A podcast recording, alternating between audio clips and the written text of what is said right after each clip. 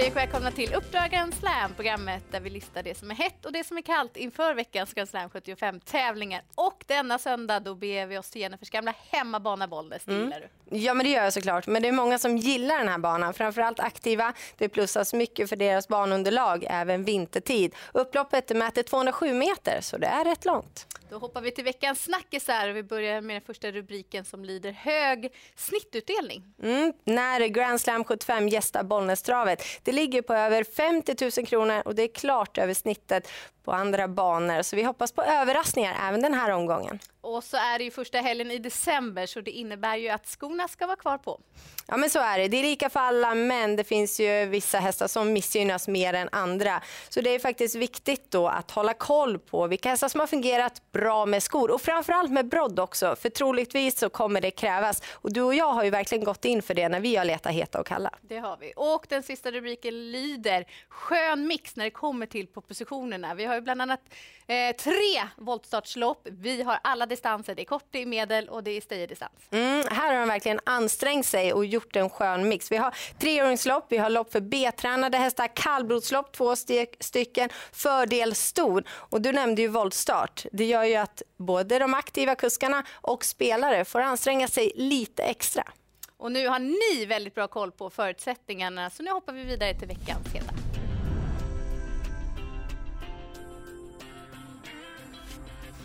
I den första avdelningen så var det bra rapporter kring nummer fyra Diego senast och det blev också leverans i loppet. Även om det inte blev seger så gjorde han det väldigt bra. Han tog hand om ledningen och fick eh, press under vägen, ville inte riktigt ge sig. Nu har han fått ett bra spår och eftersom han har den där fina startsamheten så känns det som ett plus att det handlar om kort distans den här gången. Och jag tycker att han har fina förutsättningar för att ta en seger. Dessutom så gick han med brodd i skorna senast så vi vet att det fungerar väldigt fint. Och går vi till den tredje avdelningen så är det ett lopp för B-tränade hästar. Och här letar jag efter någon som kan ge lite högre odds och då hamnar jag på nummer 10 Overtime som är en häst som jag har följt under en längre period. Han var sjuk näst senast, återkom med Kaj Widell i sulken på Rommetravet senast och han fick gå i spåren ut på slutrundan. Jag tycker han höll bra som femma. Han kommer vara bättre med tätare starter och jag tycker att han går ner i klass sett till motståndet. Han är ju dessutom en häst som är mer stark än snabb och det brukar vara gynnsamt den här årstiden som är nu för sådana hästar. Och I den fjärde avdelningen då vill du prata om Henrik Svensson. Går han mot sitt bästa år hittills som kusk? Ja, han har haft fantastiskt resultat i år som kusk och som tränare. Och I just den fjärde avdelningen så ser han ut nummer sex Tiberius. En häst som gjorde debut i hans regi senast. Han var väldigt uppåt inför den starten. Det var ju dock voltstart och det har han haft problem med i tidigare regi och det blev tidiga lopp. Men jag tar med mig snacket från Henrik Svensson och nu är det ju autostart och det tror jag gynnar honom kraftigt. Och Thomas Pettersson han har haft fina resultat på slutet och så sent som i söndags, Grand Slam 75, då tog han ju dubbel. Jag är inne på att han kan ta en ny seger den här veckan. Och då pratar vi om nummer 10, Alexis Hans i den sjätte avdelningen som inte hade något flyt i loppet senast. Man fick köra slalom på upploppet och det såg inte helt slutsålt ut över mål. Känns som att han har bättre form än raden och jag är inne på att han kan vinna trots att han har bakspår den här gången. Och nu ska vi lyssna till veckans profil som är en av landets absolut bästa kuskar, Mats Djuse.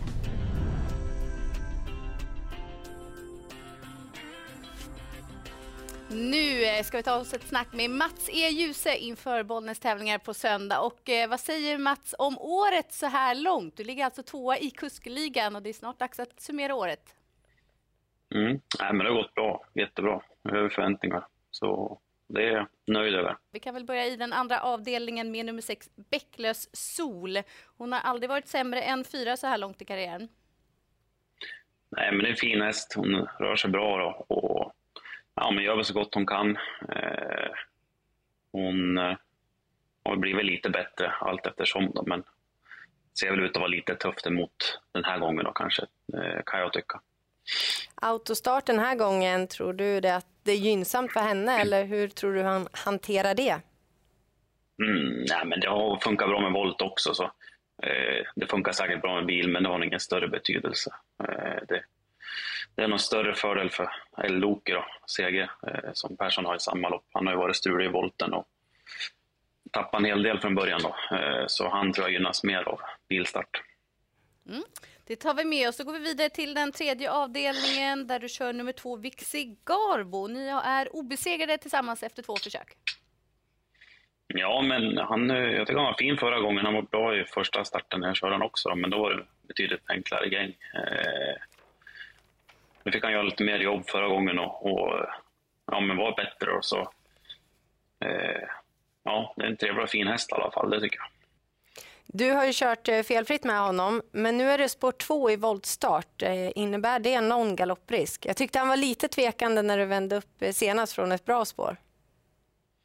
Ja, men han har ju strulat en del för Lukas var ute i volten, så det ska man väl ta med sig att det kan vara, det kan vara en liten galopprisk eh, den här gången från början. Då, så. Eh, sen var han kanske inte 100 procent genom första sväng förra gången heller. Då, så. Eh, ja, det är ingen häst man kan lita på än, tycker jag inte. Mm. Då går vi vidare till nästa kallblodslopp i den femte avdelningen där du kör nummer 14, Deviljas Kloker. Vad har du att säga kring honom? Ja, han eh, nöter på bra och tjänar pengar, men han eh, är lite bekväm av sig. Så. Han gick väl ja, klart förbättrat förra gången för när Janne körde han. Så han kanske är bättre för när Janne kör. Jag tycker inte jag får någon fart på honom. Så vi får försöka köra för ja, en hygglig slant. Eh, jag tror inte han blir förvånad om han blandar sig i segerstriden. Mm. Det var kort distans senast, så då gick han ju bra. Är det minus att det är medeldistans den här gången? Ja, men det är, han är snabb i benen, så han passar nog bättre över lite kortare distans. Mm.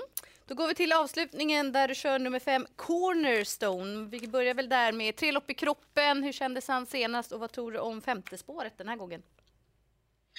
Ja, men senast tycker jag han gick riktigt bra. Det var bästa loppet på länge. Han fick en dryg inledning och, och eh, fick köra till för att komma till ledning. Och, jag tycker tidigare, eh, flera starter på slutet, har han gett upp lite grann till slut. när Han har fått sådana lopp. Men nu höll han ihop det riktigt bra och banan var lite opassande den dagen för hans del också. Då. Så jag tycker han gjorde ett riktigt bra lopp. Eh, sen femte spåret, klart att det finns en liten galopprisk, eh, men jag tror att han går iväg, men kanske inte någon snabb start. Vad säger du om tre varv för hans del?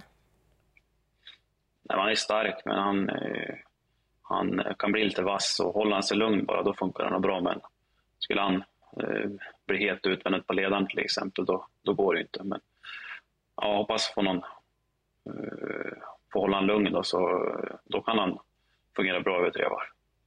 Och brodd och skor är väl inga problem för Cornerstone som brukar trivas den här årstiden? Ja, nej precis. Han gillar ju när det är lite fast underlag så han får bra, bra grepp. Då funkar hans trav som bäst. Och så eh, hoppas det. Det är alltid fin bana där i bollen så det blir säkert bra. Mm. Är det någon av de här hästarna som du tror lite extra mycket på? Mm, ja, men eh, Vixigarbo är väl kanske bästa chansen skulle jag väl säga nu då. Eh, så här några dagar innan. Jag eh, tycker han har varit bra. Bra då i senaste starten så ja, det är kanske han. Mm. Vi tackar så mycket för informationen Mats och lycka till på söndag och eh, framöver. Ja, tack så mycket. Jag tycker ändå Cornerstone, det lät ju ändå uppåt på honom också. Och klarar han bara starten så formen sitter där och grundkapaciteten den finns ju där. Nu vidare i programmet till veckans Kalla.